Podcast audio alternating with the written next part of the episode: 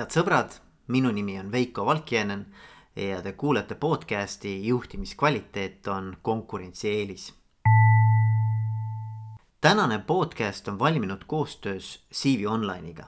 tegemist on juhtiva värbamispartneri CV Online'i tööelublogi podcasti ja populaarse juhtimisvaldkonna podcasti Juhtimiskvaliteet on konkurentsieelis koostöös valminud saatega käesolevas erisaates on minu külalisteks LHV pangast panga personalijuht Liisa Põldmaa ja panga ESG valdkonna juht Ragne Maasel. olen juba mõnda aega imetlenud, mismoodi LHV toimetab.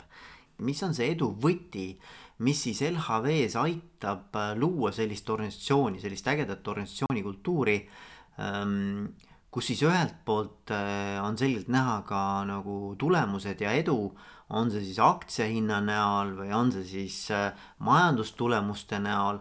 Äh, ja teiselt poolt on näha, et inimesed on ise sära silmis seda kõike tegemas, kus tööjõu voolavuse numbrid on mõõdukad ja tundub, et inimesed naudivad seda kõike, mis nad, mis nad siis koos teevad ja minu jaoks muidugi pakkus erilist huvi just nimelt see juhtimise valdkond, äh, juhtimiskultuur ja kuidas äh, LHV-s äh, juhtimine käib. ja mind hakkas siiralt huvitama, et mida siis LHV-s sisse söödetakse inimestele või mismoodi see sisemine elu on üles ehitatud nii, et sellest on välja kujunenud nii ägeda organisatsioonikultuuriga ettevõte ja sellest kõigest äh, Ragne ja, ja Liisaga hakkamegi rääkima. nii et äh, olge mõnusad ja nautige kuulamist. Tere, Liisa, tere, Ragne. tere, tere. kõigepealt ma tahan tänada, et te võtsite selle aja, et äh, tulite minuga niimoodi kenasti rääkima ja, ja peale selle me oleme sellise vinge vaatega ruumis, et me oleme viieteistkümnendal korrusel LHV kontoris Ehm, ja siit on näha kõik need igasugused äh, laevad ja meri ja, ja nii äge on. et ma arvan, et seda vaadet ma vaataks iga päev. et ähm, aga, aga peale selle, et siin on vaade, et LHV-s te olete ka toimetamas siis äh, organisatsiooni kultuuriga kõige laiemalt võttes. noh, eks neid erinevaid teemasid on siin mitmeid, et äh, Liisa, sina oled HR äh, valdkonna juht ja Ragne, sinu, sinu valdkond on nii keeruline. ESG valdkond, eks me saame sellest rääkida, mis asi see siis on, eks ole. aga ennem seda sa olid äh, tööandja brändingu Just. Peal siin, eks ju. Ja, ja, ja räägimegi sellest, noh, mina võin oma kogemust rääkida, mina olen olnud LHV klient, on ju. tegelikult olen siiamaani klient. Küll mitte nii aktiivne, ma olin treider, ma käisin, tegin äh, invest-, investeerimisi, tegin teie treideriga. Mitu aastat olen treidinud, siis ma sain aru, et see ei ole mulle. Aga, aga LHV nagu selles mõttes minu kokkupuude on olnud ikkagi ülipositiivne, et äh, et kuidagi mulle tundub, et te olete saavutanud siin sees mingi sellise õhkkonna, kus nagu inimestel on nagu lahe asju teha mm. -hmm. et äh, see nagu kajab välja ka vaata, et ma ei tea, kuidas see seest on, eks ju Ähm, vaadates või kuulates, mis, missugused on teie nagu tunnustused ja mis on teie pühendumuse uuringu tulemused ja nii edasi, no ma natukene mm -hmm. nagu olen uurinud, eks ju, kuulanud, mida te olete varem ka rääkinud. et siis ma arvan, et see kajastub ka nendes uuringutes. Aga, aga lihtsalt, et mind väga-väga huvitab, mida te siin teinud olete ja kuidas see on saavutatud. et äh, ma arvan, paljud ettevõtted on natukene nagu ühelt poolt vaatavad alt üles ja teiselt poolt on kadedad, on ju. et mm, -hmm. et ma arvan, et see on äge see on äge, mis te olete siin ära teinud ja seda tahakski täna mm -hmm. nagu mhm.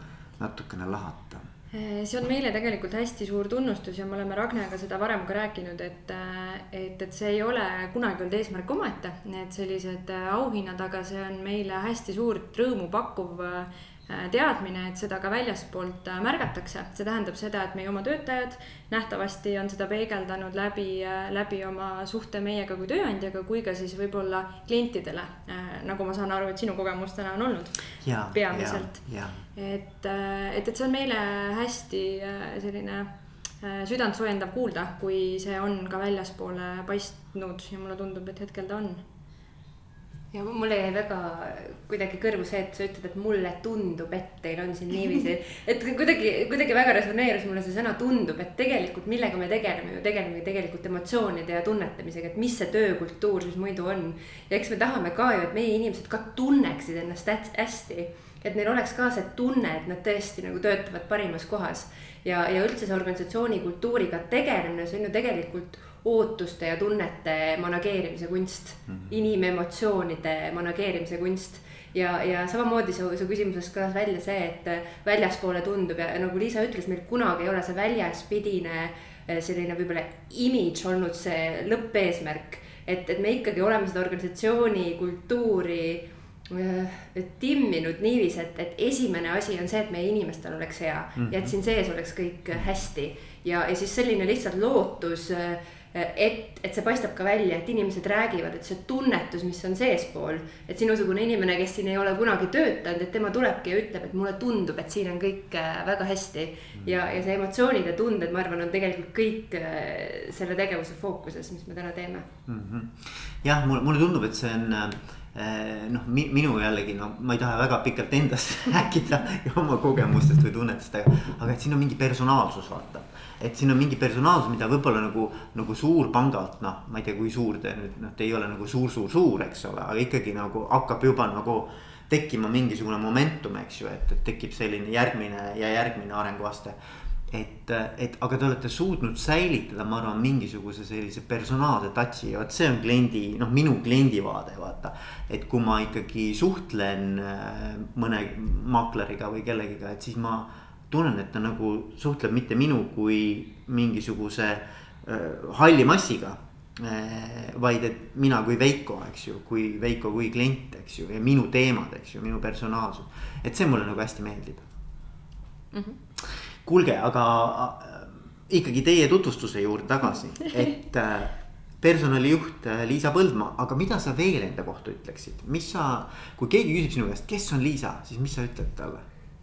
No eks ikka kõigepealt personalijuht, et see käib äh, minuga kaasa, sest et äh, eks kõik, kes personali valdkonnas on äh, töötanud, teavad, et see nõuab mingisugust sellist ähm, iseloomulaadi võib-olla see, see töö inimestega, see päriselt peab ka inspireerima ja, ja, ja kuidagi kõnetama ja see kuidagi soov mõista inimpsühholoogilist poolt kõigest sellest, see on ilmselt äh, mu varasemas tööelus ka kogu aeg minuga kaasas käinud, võib-olla mu töö oli sellel ajal midagi muud, aga, aga, aga ma ikkagi jääksin jah selle juurde, et selline äh, teiste inimeste keskel kogu aeg action'i sees, et, äh, et niimoodi ma võib-olla ennast kirjeldaks ka mm. -hmm.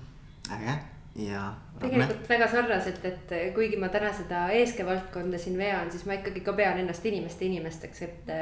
et noh, minu eelmine taust on olnud selline startup indus ja, ja kasvuturundus ja, ja selline pigem sihuke tehnoloogiaturundus ma võib-olla ei ole klassikaliselt üldse see inim-, inimene, kes oleks arvanud neli aastat tagasi, et ta, et ta täna pangas töötab, aga, aga, aga LHV ikka selline teistsugune pank, et siia ma kolm ja pool aastat tagasi sattusin et, et ma olen ka nüüd erinevaid rolle LHV-s äh, proovinud ja, ja katsetanud ja, aga ma ikka samamoodi nagu Liisa ütleks ka, et ma olen inimeste inimene. et minu tugevus on, on selle koha pealt, kuidas ma nagu inimestega suhe, suhestun ja kuidas inimesed mind inspireerivad. ja ma arvan, et, et päeva lõpuks on, on jumala ükskõik, mis su ametinimetus on või mis su töö sisu on. et kui sa tead oma tugevusi, et sinu tugevused on nagu inimene ja nendega suhestumine, siis sa võid äh, ükskõik äh, mida ägedat ära teha, vähemalt LHV-s ja, ja, ma, mulle hästi meeldib see mõte ka jah. mulle meeldib see, et, et noh, et, et, et inimesed annavad energiat või kui nagu inimestega kontakt on see, mis tegelikult nagu toetab, noh, mida ma kuulen, eks ole. et minu käest on ka hästi palju küsitud, miks sa teed neid podcast'e, eks ole, mis sa teed neid podcast'e siis mina ütlen nii, et ma lähen alati podcast'ilt ära nagu parema enesetundega, kui ma sinna tulin, mitte et ma oleks halva enesetundega tulnud, aga ma saan mingi kiki või mingi. vaata, see annab sulle kuidagi nagu järgmise sellise nagu energia, et ähm,. ja pealegi noh, tarkade inimestega ju, või noh, ütleme siis nagu ägedate inimestega on ju alati kihvt kohtuda aga räägime juhtimisest ka, vaata minu podcast tegelikult on ju juhtimisteemaline mm. -hmm podcast'i nimi, see on küll praegu nagu väga ebaseksikas ja selline nagu natukene sihuke nagu konarlik juhtimiskvaliteet on konkurentsieelis. mulle tegelikult üks meediainimene ütles, kes mul käis podcast'is, see on nii ebaseksikas, et kuidas see üldse, no sa peaksid ikka seksikamaks selle tegema. et ähm, aga, aga et, et juhtimine ja need inimesed, kes kuulavad seda, meie kuulajad täna ka. on ikkagi huvitatud nagu enesearengust, juhtimisest, ettevõtlusest ähm, ja, ja noh, ma tahaks ka meie vestluse viia nagu sinna, et, et äh, juhtimine LHV-s ja juhtimiskultuur LHV-s, eks ju Äh, te olete ühel või teisel moel sellega iga päev äh, kokku puutunud. et äh, kuidas teie seda juhtimiskäekirja LHV-s, kui üldse saab seda kuidagimoodi kokku võtta, sest ma saan aru, et iga juht on ikkagi oma nägu, eks ju. ega peabki olema oma nägu, aga on mingid asjad, mida te võib-olla ikkagi ise tahate lükata. ja olete nagu vaadanud, et noh, et, et mingi punane niit jookseks meie sellisest juhtimiskultuurist ühtselt läbi mm. -hmm minu jaoks on see alati olnud, ma pööraks seda võib-olla niipidi, et kui me juhtimiskultuurist ja ootustest meie juhtidele rääkima hakkame, et siis ma pööraks seda niipidi, et mida ootab üks inimene, kui ta organisatsiooniga liitub, eeldusel, et me oleme need ühised väärtused ja, ja selle äh, rolli omavahel lahti mõtestanud, siis iga inimene soovib kuuluda kuhugi, ta soovib, et teda võetakse omaks, ta soovib, et temast hoolitakse, ta soovib lisaks ettevõtte huvidele, kõigil on päeva lõpuks ka oma unistused ja soovid äh, karjääri mõttes, ta soovib, et, et ka nendega arvestatakse. ja kuna kõik inimesed on niivõrd erinevad, siis meie peamine ootus oma juhtidel ongi siis äh, lahti häkkida, et kes on need inimesed, kes tema tiimis töötavad ja mis on see, mida äh, tema inimesed vajavad selleks, et oma tööd hästi teha ja see võib osakonniti väga palju erineda ja, ja sõltuvalt ka tööst ja tööks vajalikest iseloomujoontest, et aga, aga peamine võib-olla selline võti hea, olla hea juht ongi kuidagi inimesi tunnetada ja, ja, ja hoolida oma inimestest ei ole võimalik niimoodi, et sa neid ei tunne. ja, ja meile väga meeldib, kui meie juhid on äh, kogu aeg kursis äh, inimestega sellise hingeeluga ka võib-olla, kellel keegi kuskil kass kodus haige on, et see on päris oluline teadmine igapäevatöös, nii et, et kuidagi ähm,. meil on sada viis erinevat juhti kõike kindlasti ühe joonlauaga võtta ei saa ja, ja me üldse ei taha juhtimist kuidagi standardiseerida. me ei taha seda kuhugi kirja panna, sest et siis me kohe võtame kaks sammu tagasi selle loomingulise poolega sellest juhtimisest. aga meie peamine ootus on, et juhid täidaksid siis iga uue töötaja ja ka tegelikult ju olemasoleva töötaja sellised baasvajadused äh, kuuluvustunde ja hoolivuse osas, et, et äh, kõige laiemas mõttes see on selline mõtteviis.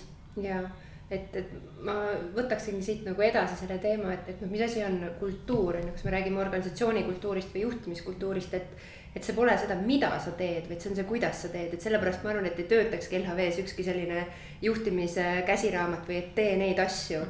et see, kuidas on minu arust meil oluline, just see, et sa teeksid seda nagu e-, empaatiavõimega, et sa tunnetaksid, et sa huvituksid e, sellest inimesest, kellega sa sa mõnel tasemel ka saaksid aru, et et sinul on kindlasti nagu sinu töö on sinu valdkonna juhtimine, aga, aga sinu töö on ka olla empaatiavõimeline ja huvituda enda inimesest ja, ja, ja see on tegelikult see, mis paneb sinu inimesed käima ja sütitab neid ja annab neile selle, selle kuuluvustunde.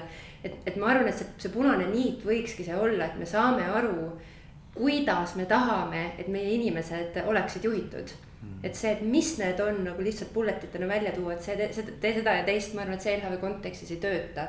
et just see tunnetuslik, kuidas on võib-olla see, võiks see, see punane niit olla mm. -hmm.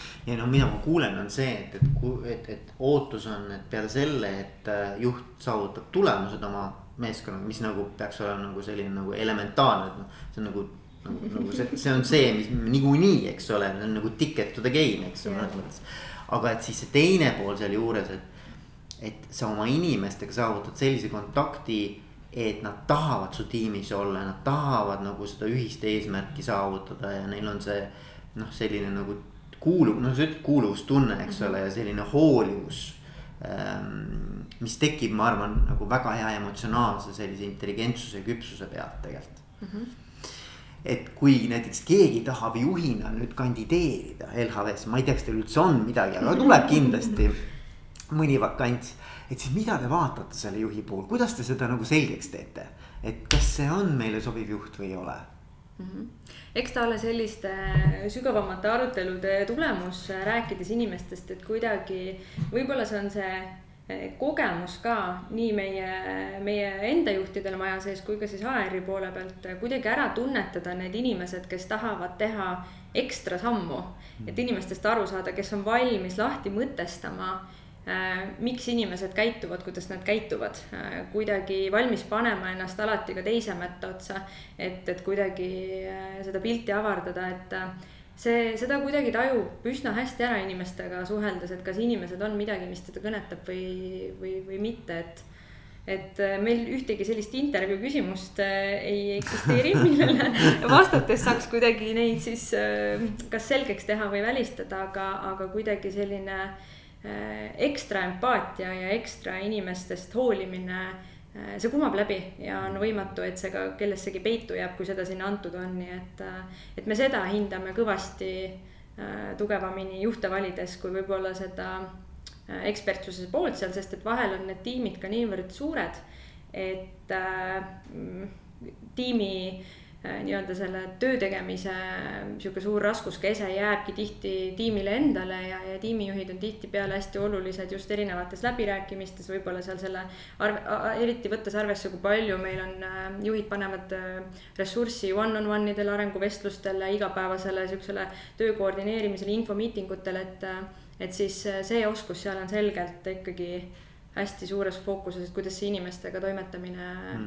välja tuleb mm.. võib-olla noh, mina, mina isiklikult äh, ei ole ühtegi juhti kunagi värvanud ja noh, ma olen, kui ma HR tiimis olin, siis ma nägin kõike seda värbamismaailma rohkem nagu kõrvalt äh, LHV-s ka ja, ja kui ma olen käinud rääkimas organisatsiooni kultuuri teemadel LHV näitel äh, siin eelmistel aastatel, siis äh, mis mulle nagu on meelde jäänud või mis kuidagi on nagu mulle endale nagu akuutsena hakanud tunduma, on see, et, et LHV-s on, noh, me räägime sellest DNA-st või sellest mingisugusest tunnetusest ja mis on kihvt kõrvalt vaadata, muidugi kihvt mitte sellele kandidaadile, kes tööle ei saa, on see, et et, et vahest tuleb kolm inimest intervjuult välja ja kõik ütlevad, et no see pole õige, aga me ei tea, me ei oska öelda, miks see pole õige. ja minu arust see on kihvt yeah., see on see mingisugune tunnetus, see mingi DNA, et ja ma arvan, et seda ei peagi selgitama ja ma arvan, et organisatsiooni kultuuri koha pealt tihti küsitakse, et noh, mis teie väärtused on, on ju. minu arust on olulisem see, et see, mis see tunnetus on, mis see DNA on, mis on see vibe, mis paneb meid äh, nagu tunnetama peale tundi aega mingisuguse inimesega. et siin on täielik klikk või siin seda klikki absoluutselt ei ole. ja minu arust on kihvt, kui me kunagi võib-olla ei õpikski seda sõnastama, siis me võib-olla devalveerime selle. et, et, et noh, see on mingi tunnetus, mis sul selle inimesega peab olema, et sa tunnetad, et see on LHV inimene ja, ja kui, kui tekib, et see inimene pole LHV inimene, siis ma arvan, et niikaua, kui me suudame ära tunda enda sees, kui me värbame seda tunnetust, siis on kõik, kõik tegelikult hästi mm,. ja et see on see mingi X-faktor. see on see mingi X-faktor ja, ja.. mida sa ei oska nagu sõnadesse otseselt panna. no ma arvan, kui sa mõtled ükskõik millistele inimsuhetele, on see siis tööd või väljaspool tööd, et sa nagu saad ka noh, ma ei tea, on käibel selline fraas minu inimesed, eks ole. et noh, et kuidas sa siis neid nagu, nagu noh, kuidas me näpu peale paneme yeah., noh tema on ja tema ei ole, et see on ikka mingi selline nii-öelda nagu. ma ei tea, intuitsioon, mingisugune ühine selline lainepikkus, millega me toimetame mm -hmm. või ei toimeta, eks ju et äh, mulle meeldib see mõte, aga noh, see on muidugi nagu mõnes mõttes võib olla ka frustreeriv selles mõttes, et kui, kui sa pead nagu selgitama, vaata kandidaat tahab ju teada, eks ole, mhm. miks mind siis ei valitud, eks. Noh, sa ei saa öelda, mul noh, ma ei tea, meil on sihuke tunne, eks ole. Ei saa öelda noh seda, eks, et ähm, aga mulle meeldib see, et vähemalt, et, et vaata, et te kuulate seda, et see näitab ka, et nagu.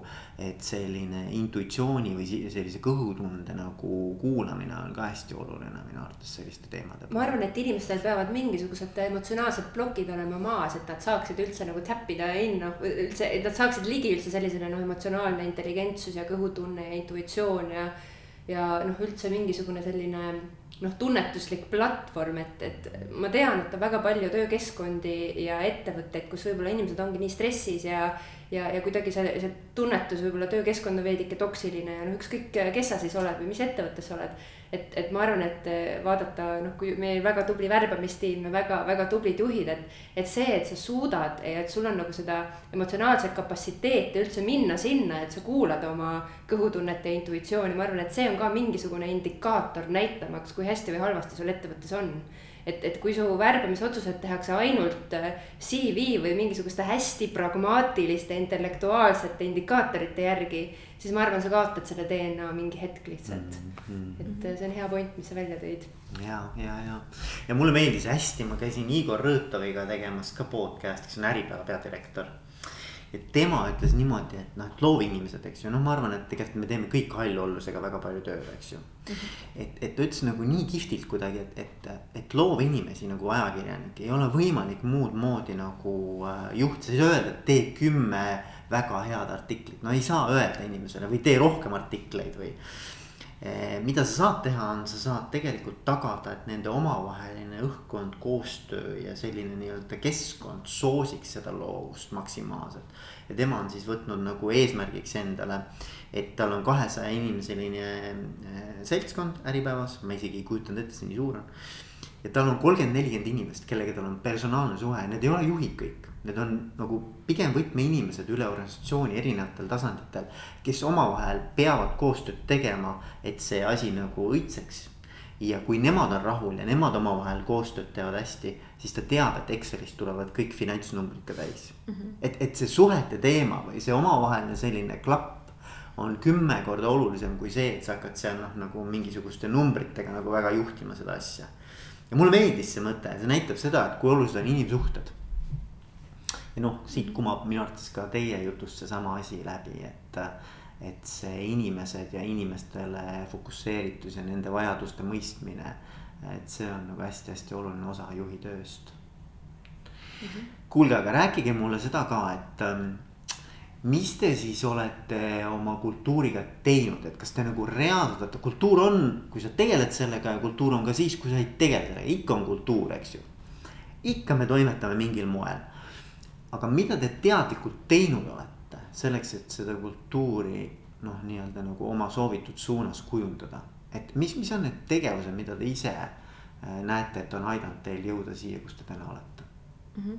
eks kultuur on midagi, mis hakkab ettevõttes arenema ettevõtte sünnihetkest, et meil on siin päris pikk legacy sellel, selles mõttes järgi, aga, aga see üks läbiv joon on alati olnud anda vabad käed nii meie juhtidele kui, kui oma töötajatele ja, ja mis võiks olla suurem unistus äh, töökohas, kus see, et mind usaldatakse ja ma saan äh, enda asja teha nii, nagu ma seda soovin.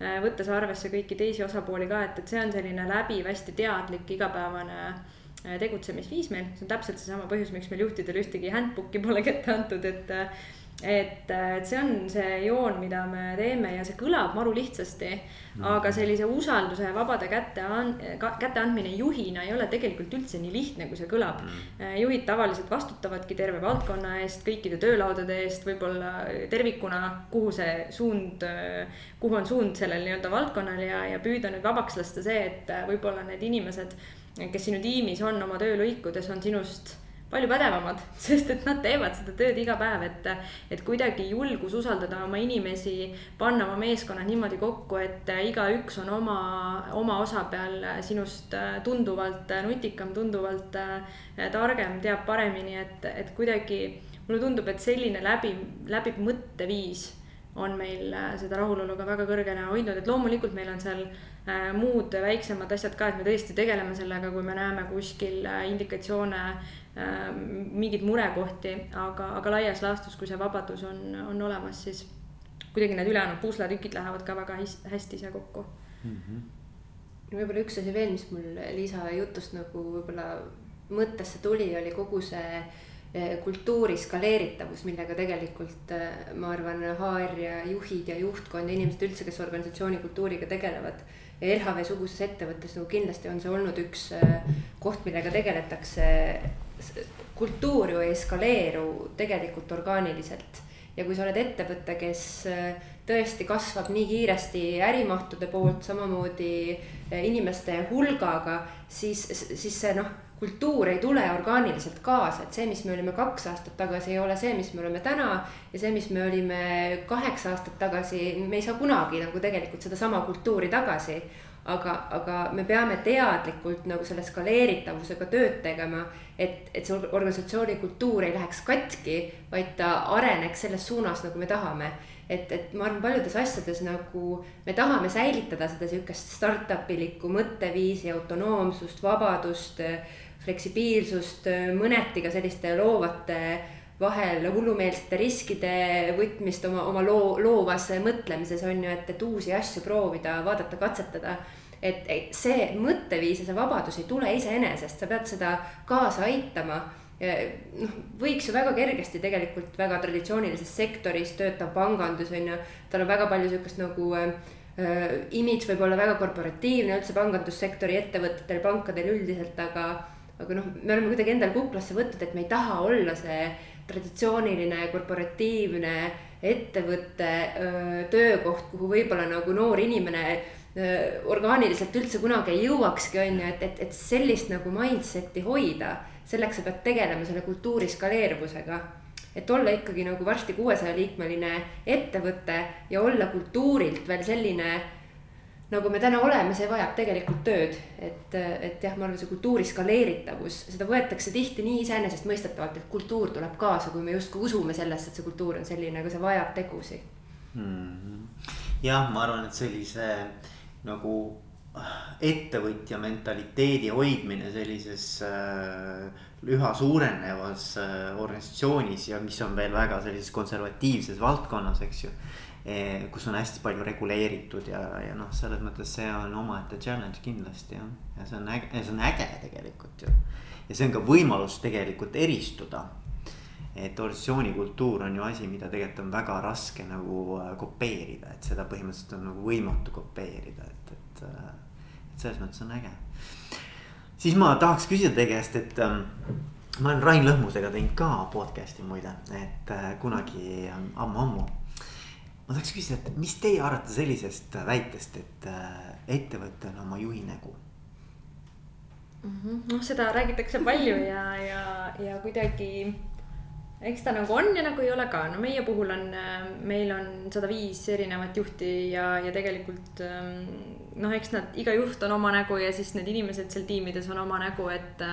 et aga, aga ma võib-olla ise näen seda niimoodi, et ettevõte on oma juhtimiskultuuri nägu ja selle kultuuri me komplekteerime kokku kõik need sada viis inimest, et, et, et eks ta selles mõttes algab kõik juhtimisest, kogu see rahulolu, et ei ole võimalik äh, minu hinnangul äh, teha sellist äh, ettevõtet, kus inimesed on hästi rahul, aga juhtimiskultuur on selline pisut logisev, et ma isegi arvaks, et on juhtimiskultuuri nagu mingi ühisjoon ikkagi on ühe ettevõtte juhtidel, mis siis, et nad kõik oma nägu on, nii et. ja samamoodi kui kui äh, noh, ma mõtlesin sellele samale küsimusele ennem siia tulles, et.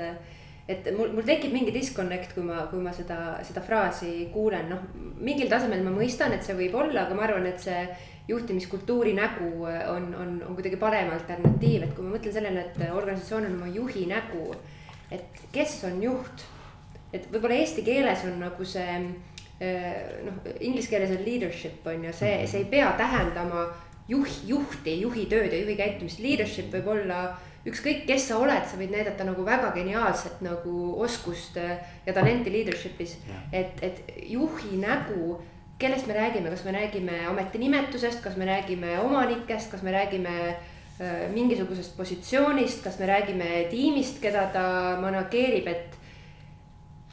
ma, minu hüpotees on see, et kui me vaatame tiimi või ettevõtet et on juhid, kes on positsioonil ja on juhid, kelle poole inimesed nagu pöörduvad tihtipeale muredes, kellele nad lähevad rääkima, kellega nad tunnevad isiklikult mingisugust äh, suhestumist, mingisugust connect'i, need ei pea olema ühed ja samad inimesed mm. -hmm see on väga tore, kui on tippjuhid ja, ja omanikud äh, kasvõi väiksemad ettevõtted startup'is tihtipeale on äh, juht positsioonilt juht see, kelle poole, kes on nagu see, kelle poole pöördutakse, kellele räägitakse oma muredest keda vaadatakse eeskujuna. aga see võib täiesti olla, et mõned ettevõtted ja mingisugused tiimid, kus on juht ja kus on see inimene, kes on, on see inimeste inimene, kelle poole pöördutakse, need ei pea olema alati samad inimesed mm. -hmm. ja, ja minu nagu hüpotees on see, et, et organisatsioon on, on nende inimeste nägu kes tõmbab enda ligi inimesi ja usaldust. et kas see on ametinimetuselt ka juht, võib-olla, aga see võib olla täiesti inimene, kelle ametinimetuses ja, ja ametikirjeldus ei ole üldse juhtimist kirjaski, et see pigem on sihuke tunnetuslik Hmm. et, et see on see mõte, mis mul tekkis nagu seda fraasi lugedes. Hmm. mulle väga meeldib see mõte, sest et ma saan seda siin täiendada ka sellega, et me tegime pool aastat tagasi väikse kannapöörde oma rahulolu uuringu äh, metoodilise nii-öelda poolega ja me asusime küsima sellist küsimust ka, et kuivõrd meie inimesed näevad, et tehakse kvaliteetset tööd äh, üldse äh, LHV-s tervikuna.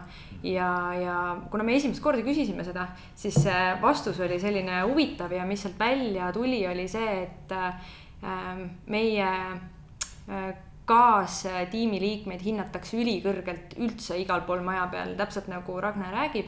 ja mida seal välja toodi, oli see, et meil töötavad erinevates tiimides Eesti absoluutsed tipud, täielikud tegijad, kes oma valdkondades teevad ülivägevaid asju see ise juba inspireerib, see tõmbab teisi inimesi. ja see on täpselt see, mis Ragnar räägib, et neil üldse ei pea olema juhid, kes sedavõrd suudavad äh, oma inimesi inspireerida ja tegelikult äh, äh, lisatalenti meile majja meelitada ja no eks seal on, vaata, seal on erinevad arvamusliidrid, eks ole, tekivad. et on formaalsed ja mitteformaalsed ja need ei pruugi üldse nagu omavahel kattuda. ja minu arust see on tore tegelikult, et ongi erinevates. Need võivad olla ka mingisugused minivaldkonnad, milles nad on tegelikult nagu eksperdid või nad on äh, kuidagi saavutanud sellise äh, Ehm, staatused, neid kuulatakse, nendega arutatakse ja nendega nagu tahetakse mõtteid vahetada sellel teemal, et. ja kui see võib olla ka tegelikult äh, puhtalt nagu tiimi toimimuse mõttes ka, et see ei pruugi üldse olla see, et ma alati juhiga lähen räägin, noh, nii-öelda oma formaalse mhm. juhiga või.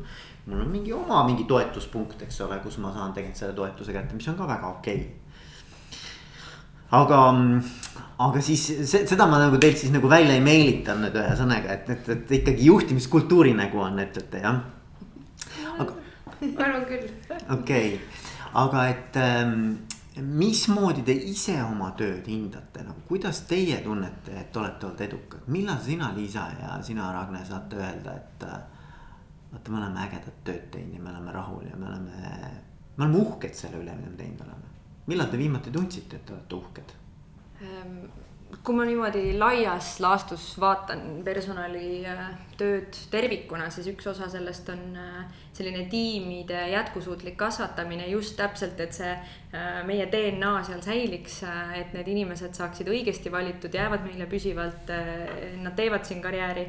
teine osa on siis see, et olemasoleva tiimi selline rahulolu hoidmine ja voolavuse madala hoidmine ja, ja kolmas tükk on sellest äh, employer branding ehk et see, millest sina ennem rääkisid, kuidas me välja paistame ja.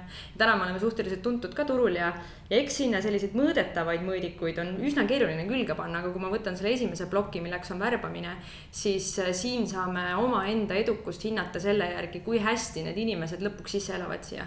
Kui, kui palju meil on selliseid olukordi, kus valik ei olnud võib-olla kõige õigem ja kuna meil selliseid olukordi on väga vähe ja, ja need inimesed, kelle me välja valime, tõesti on saanud väga hea onboarding'u ja, ja kuidagi mm, leidnud siin majas endale koha ja teinud edukat karjäärid, siis see on see koht, kus me saame nagu vaadata, et, et kuidas meie värbamised on õnnestunud tulevikuperspektiivi mõttes, et, et see on üks asi, mis puudutab seda rahulolu, siis kuna täpselt ennem kui nüüd koroona veidi teistsuguse valguse meie töösse tõi, siis äh, me tegelikult äh, nii siis kui täna vaatame otsa läbi ajaloo kõige madalamale voolavusele mm, -hmm. mis on ju noh, eesmärk omaette alati olnud ja, ja läbi aegade ka ühtlasi kõige kõrgemale rahu, rahulolule, et need on need äh, kaks numbrit, mis indikeerivad sellist väga head ettevõtte kultuuri, mis laiemas mõistes rahulolu mõttes ongi hästi selline mm, südamelähedane ja, ja eks alati, ükstapuha kui head numbrid, kui ükstapuha kui madal voolavus meil on või hea rahulolu, seal on tööd alati veel äh,.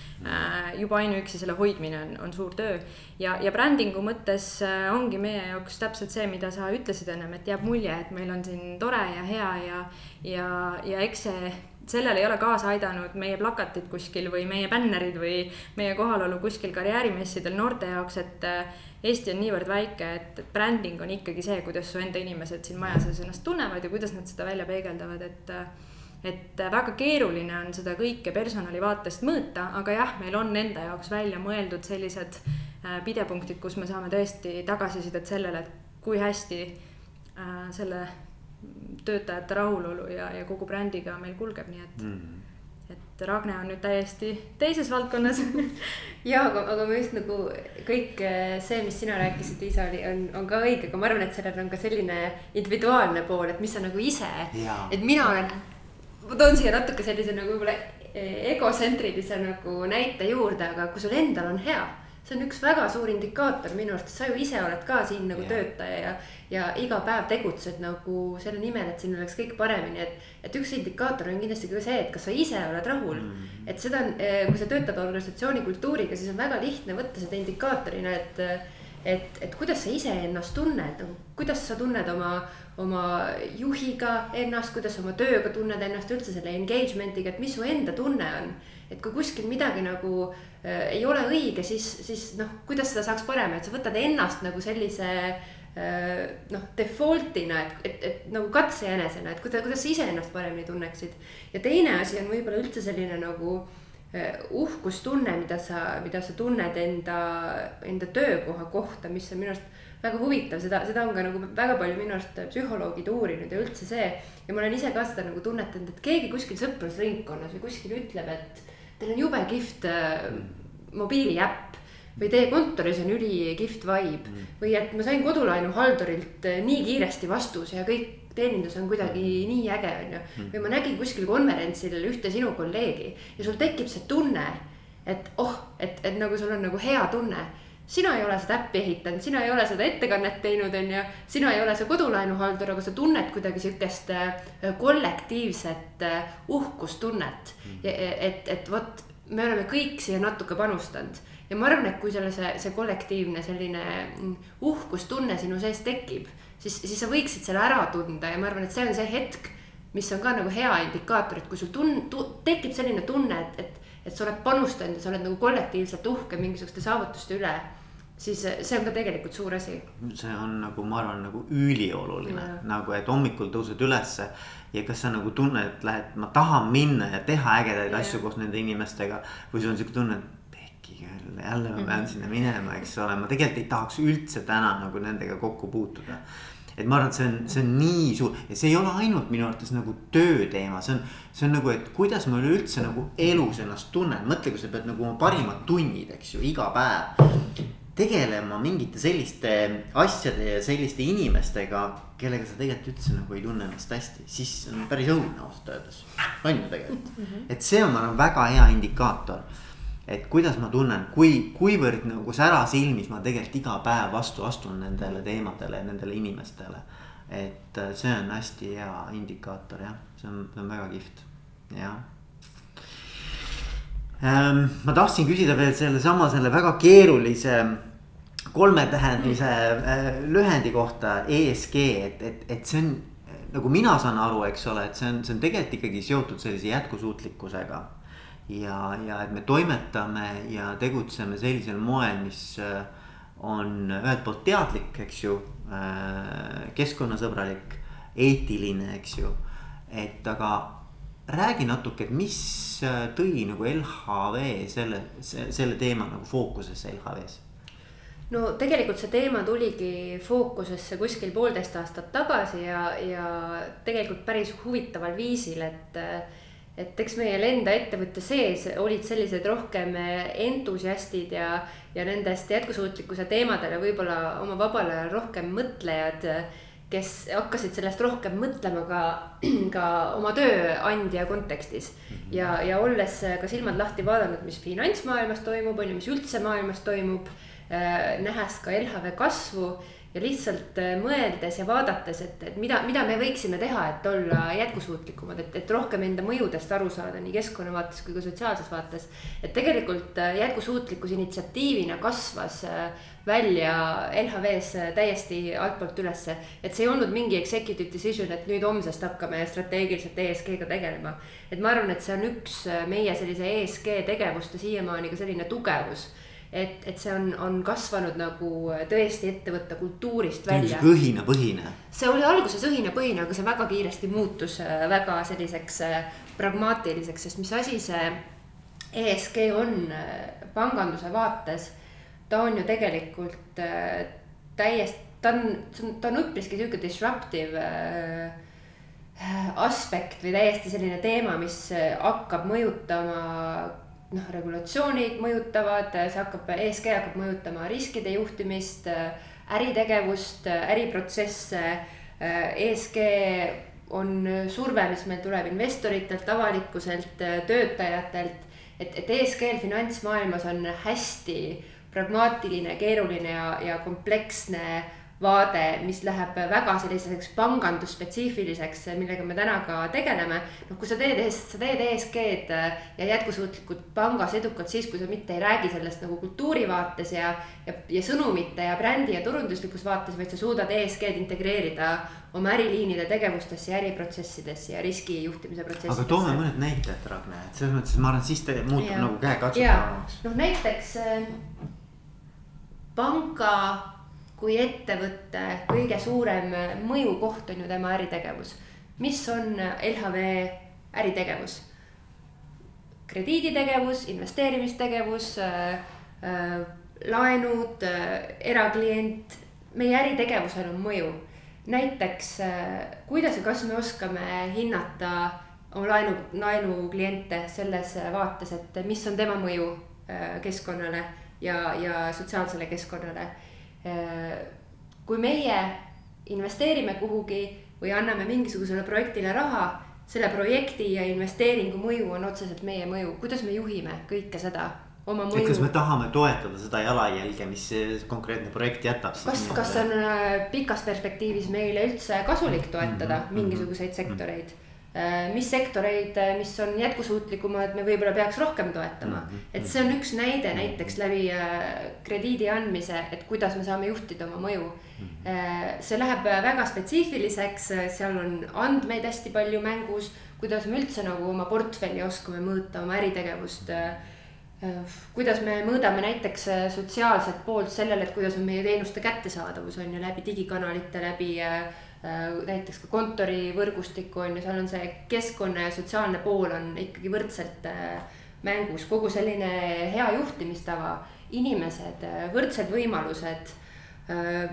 noh, kõik see ESG selline komplekssus, mis on seotud tõesti meie äritegevusega ja meie mõju vähendamine, negatiivse mõju vähendamisega läbi meie äritegevusega, positiivse mõju suurendamisega. et väga tihti jätkusuutlikkus ja ESG Äh, noh, arvatakse, et see on see, et olla rohelisem, et, et vähem nagu negatiivset mõju tekitada. aga jätkusuutlikkuse sellel mündil on ka see teine pool, on see, et kuidas me saame ära kasutada rohetehnoloogiaid, üldse rohelisemat investeerimist. üldse sellist nagu paremat organisatsioonikultuuri, rohkem sellist mindful lähenemist sotsiaalsele keskkonnale, et jätkusuutlikkus on väga ka tegelikult positiivsete mõjude suurendamine ja pangana Eestis suurettevõttena, finantssektoris tegutsejana on meil tegelikult väga suur võimalus teha sellise jätkusuutliku mõttemalliga väga palju head ja sellise mindful lähenemisega tegelikult ka tõmmata enda selliseid negatiivseid mõjusid nagu palju väiksemaks. ja, ja see ongi tegelikult suures pildis see, mida me teeme. ja kõigil sellel pragmaatilisel poolel on tegelikult ka see organisatsioonikultuuri ja juhtimiskultuuri äh, nagu selline tahk on see, et jätkusuutlikkus ja ESG, kui sa hakkad sellega tegelema pangas, ettevõttes, kus seda ei ole nagu ennem võib-olla kombatud. see on suures pildis ikkagi muudatuste juhtimise projekt, seal on need detailid, seal on need andmed, protsessid, riskid, compliance, regulatsioonid. aga päeva lõpuks on see see, et sa ikkagi natuke disrupt'id seda, kuidas alati on tehtud. sest sa te tekitad selle jätkusuutlikkuse pöörde ettevõttes ikkagi siis, kui iga rakuke selles ettevõttes saab aru, et mingisuguseid asju on nüüd vaja hakata teistmoodi tegema mm. -hmm. ja, ja see vajab väga suurt sellist kultuurilist, sellist äh, touch'i inimestelt, kes sellega tegelevad.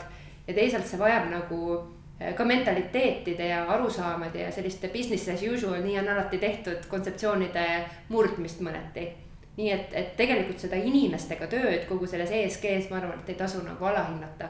kuigi pangandussektoris ESG on väga reguleeritud ja selline pragmaatiline äh, kontsept nojah, aga ta on ikkagi nagu ühiskonnas ka yeah. vaata muutus, eks ole, et see käib nagu mõnes mõttes käsikäes. et mingid väärtused ühiskonnas hakkavad ka ju sinnapoole kogu aeg me liigume, eks ju ja see on arusaadav, ega me ei ole staatilised ja siis minu arvates kogu see ettevõtluskeskkond peab seda toetama, isegi nagu eest vedama natukene võib-olla isegi, eks ju mm. -hmm. et mulle hästi meeldib see mõte, et noh, et, et see käib kuidagi sünkroonis ja, ja see on noh, üleüldse nagu kui mõtled, et, et me ei ole siin ju ainult oma eluea, eks ju siin maailmas, eks ole. et me tahame, et kõik meie otsused, valikud äh, lähevad ikkagi ühes suunas, et me toetame selle, selle maailma ja maakera toimimist äh, võimalikult nagu noh kuidas öelda siis nagu sõbralikult et äh.... et minu arust see jätkusuutlikkus ettevõttes ongi nagu kas sa arvad, et, et see on okei okay,, kui peale sind tuleb e-uputus, noh, otseselt on ju. Mhm. või kas sa mõtled sellele või sa ei mõtle, on ju, see on see, et kas sa, kas sa mõtled pikemaajaliselt, et mis asi on kestlikkus ja jätkusuutlikkus, ta on tegelikult ju kõik see pikem visioon. et, et suure tõenäosusega noh, jah uuringuid on väga palju, kuidas me iseenda eluajal näeme ka väga suuri äh, katastroofe, kliimakatastroofe, võib-olla isegi koroona on noh, sellega seotud on ju, kuidas me oleme planeedi eest äh, hoolt kandnud. aga, aga kestlikkus ja jätkusuutlikkus corporate maailmas ongi ju tegelikult see, et, et see, mida sa täna teed, see väärtus, mida sa toodad iseendale, enda, enda töötajatele, klientidele, et sa suudad ja saad seda teha pikemaajaliselt mm.. ehk siis see peale mind tulgu või veeuputus ei lähe nagu siia jätkusuutlikkuse kontseptsiooni sisse. ja see pikem vaade ja hoolimine pikemaajaliselt. Ka siis, kui nagu sind enam ei ole, et mis sa jätad siia maailma peale seda, kui sind ei ole. ma arvan, et see on põhimõtteliselt selle nagu keskses. väga oluline muidugi ja, ja. ja, ja see mõtteviis on tegelikult ju me nagu Ragne ennem ütles, et see kõik sündis ju meie enda töötajate soovist tegeleda sellega ja. ja, ja samamoodi on näha ka kandidaadid, kes meile soovivad tulla, et, et, et jah, neil selleks, et õnnestuda, tõenäoliselt on sul seal see valdkonna fanatism ja, ja, ja võib-olla kõnetab sind LHV koos kõigi nende väärtustega ja, ja eestimaisus ja võib-olla finantssektor üldiselt, aga, aga siin on tõesti viimastel aastatel lisandunud see, et inimesed tahavad ise ka vastutust võtta, et kuhu nad iseenda aega panustavad, milliste ettevõtete juurde ja see on täiesti tavapärane küsimus nüüd juba, et mida teete selleks teie, et oma nii-öelda seda jalajälge ikkagi äh, Äh, miinimumi peal hoida ja mis on teie social responsibility tegevused, et äh, inimesed küsivad selle kohta, nad mm -hmm. tahavad kuuluda äh, organisatsiooni, kes hoolib sellest, kes mõtleb sellele, nii et, et see on ka hästi selline kihvt näha, et väärtuste tasandile on lisandunud veel see miski, mis maailma kontekstis võib-olla väärib, väärib tähelepanu. ja, ja ma arvan, et seda sellist nagu tööandja osa siin ei tasu alahinnata, et ma arvan, et mida rohkem tuleb noorem põlvkond peale, kes kasvab rohkem üles selles maailmas, kus nad juba näevad tegelikult sellise destruktiivse käitumise tagajärgi, et äh, tubakaettevõtted, äh, fossiilsetest kütustest äh, energiatootjad, mingisugused ettevõtted, kes kasutavad lapstööjõudu kuskil arengumaades on ju, et ma arvan, et neil on varsti väga raske leida inimesi, kes tahavad tõesti nagu enda hinge panna sellesse ettevõttesse, kui see ettevõte ise toimetab nii hingetult mm. -hmm. et ma arvan, et, et tulevikus, et võib-olla meie täna veel suudame, meie generatsioon suudab mingil tasemel nagu mingites kohtades silmad kinni panna, aga, aga ma arvan, et need lapsed, kes täna sünnivad, on, on kordades rohkem kriitilised vaatamaks, et mida see ettevõte siis tegelikult teeb, kas ta nagu saab aru, mis ta, mis ta jalajälg on, mis ta mõju on ühiskonnas et, et ma arvan, et me täna veel ei tea, millise pauguga tuleb peale see mitte jätkusuutlike eh, ettevõtete struggle nagu tõesti saada endale mm. head talenti mm no ma näen seda kirge sinu, igal juhul sinu silmis, Ragnar, sellest rääkides. nii et ma, ma olen täitsa kindel, et LHV-s on need teemad väga hästi hoitud. Vähemalt äh, sinu näol kindlasti. et äh, mul on selline küsimus, mida ma ei ole teile ette andnud aga ma küsin, ma tahaks, ma mõtlesin, et ei saa ette valmistada. et, ähm, et kui teil on võimalik panna, ütleme kuhugi siin. ma ei tea, on see Tartu maanteele või Järvevana teele või kuhugi suur plakat. Millele on siis mingi sõnum peale kirjutatud, siis mis see sõnum võiks olla, mida te nagu tahaksite, tahaksite öelda? oi kui hea küsimus, ma oleks nagu tööintervjuu. ähm, ma ei teagi kuidagi ähm,, ma küll sõnastust ei tea, aga ma arvan, et ma paneks sinna plakatile mingi sellise mõtteviisi, et, et märgata, mille eest on meil põhjust kuidagi tänulik olla. või kuidagi, et mis meie eludes on hästi, et, et meie ühiskonnas on nii palju teemasid, mis on meid lõhestanud kuidagi inimestena ja nii palju muresid ja, ja, ja kuidagi ka heaoluühiskonna selliseid äh, vaata et pisikest laadi tunduvaid äh, idee, nii-öelda mõtteid ja murekohti on äh, igapäevases elus nii palju, et kuidagi vahel tahaks raputada ja öelda, et meil on nii palju põhjust uhkust olla uhke olla nii-öelda selle üle, mis me oleme saavutanud, nii võib-olla nagu ise individuaalsel tasandil, võib-olla Eesti riigina, et kuidagi, kuidagi sellist, et võtaks hetke, et mõelda, mis meil on hästi et, et tänulikkus. tänulikkust. ole tänulik või, või? tänulikkust ja positiivismi ja, ja sellist nagu ähm, võtame hetke, et olla korraks õnnelikud, et midagi sellist. see on väga hea, võtame hetke, et olla korraks õnnelikud jah. et äh, ja see on väga, väga ilus, väga. see on puhtalt minu isiklik selline. aga nagu... see, see, see on nii naljakas, et ma jõudsin suhteliselt sarnasesse kohta, kui ma hakkasin mõtlema, et. ma hakkasin mõtlema sellele, et, et noh, kogu see, see koroona ajastu ja üldse nagu et kuidas tänapäeva inimene tegelikult on paljuski stressis ja ikka paljud inimesed on katki ja, ja meil on nii palju muresid ja see, see hetkel see, see koroona on kindlasti toonud igale inimesele nagu isiklikul tasemel pingeid, millest väga vähesed räägivad mm. -hmm. ja, ja, ja noh, meie ümber on sadu inimesi igapäevaselt ja me ei näe nende sisse. Ja me ei näe nende ebakindlusi ja me ei näe nende muresid ja igalühel on oma struggle, millega ta iga päev äh, maadleb. Ja, ja noh ta võib-olla ei küsigi abi, on ju, et võib-olla ma paneksin sinna, sinna plakatile lihtsalt, et sa olid täna tubli.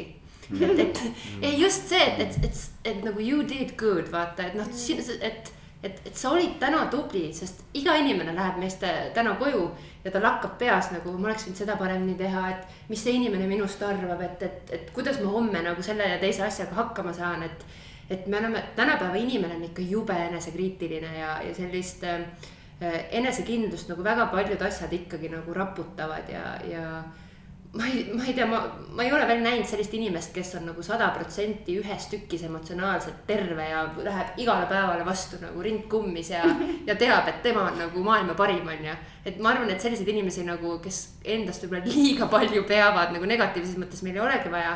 aga meil on vaja inimesi, kes lähevad koju ja suudavad endale öelda, et sa olid täna tubli. sihuke nagu enesetoetus nagu, sihuke enesetoetus, just, et, et võib-olla sul ei olegi inimest kõrval, kes sulle seda, seda iga päev ütleb ja, ja noh. ma arvan, et, et tänapäeva inimene on katki. ja, ja kui midagi aitaks nagu natuke tal enda tükke õhtul nagu kokku tõmmata ja panna nagu head tunnet tundma, nagu sa täpselt mainisid, Liisa. siis võib-olla see, et nagu sa, sa olid täna tubli ja, ja mul, mulle me, nii meeldivad mõlemad, et nagu, et tänulikkus mulle meeldib äh, väga, ma ise oma pojaga teen äh, niimoodi, et mm. äh, mitte küll iga õhtu ma pean tunnistama, aga kui, kui on see võimalus, siis ma teen niimoodi, et ma küsin, mis oli täna kolm asja, mis panid sind naerma või mis sind rõõmustasid. noh, mis ei ole nagu tänulikkus, aga vaata lapse jaoks on nagu see, et hakkab mõtlema, mis toredat juhtus, eks ju mm. -hmm. ja siis on nii äge näha, et noh, tegelikult sul on palju parem kohe ka magama minna, sest tundub nagu tänane päev läks korda mm. -hmm et, et mulle väga meeldib ja minu arust tänulikkuse tunnet ei saa kunagi segada mingisuguse negatiivse emotsiooniga, et kui sa oled tänulik, siis sel hetkel selles seisundis sa oledki tänulik, sul ei ole võimalik olla samal ajal kurb, vihane või mis iganes muud, eks ju, siis, siis sa viid ennast nagu sellesse seisundisse.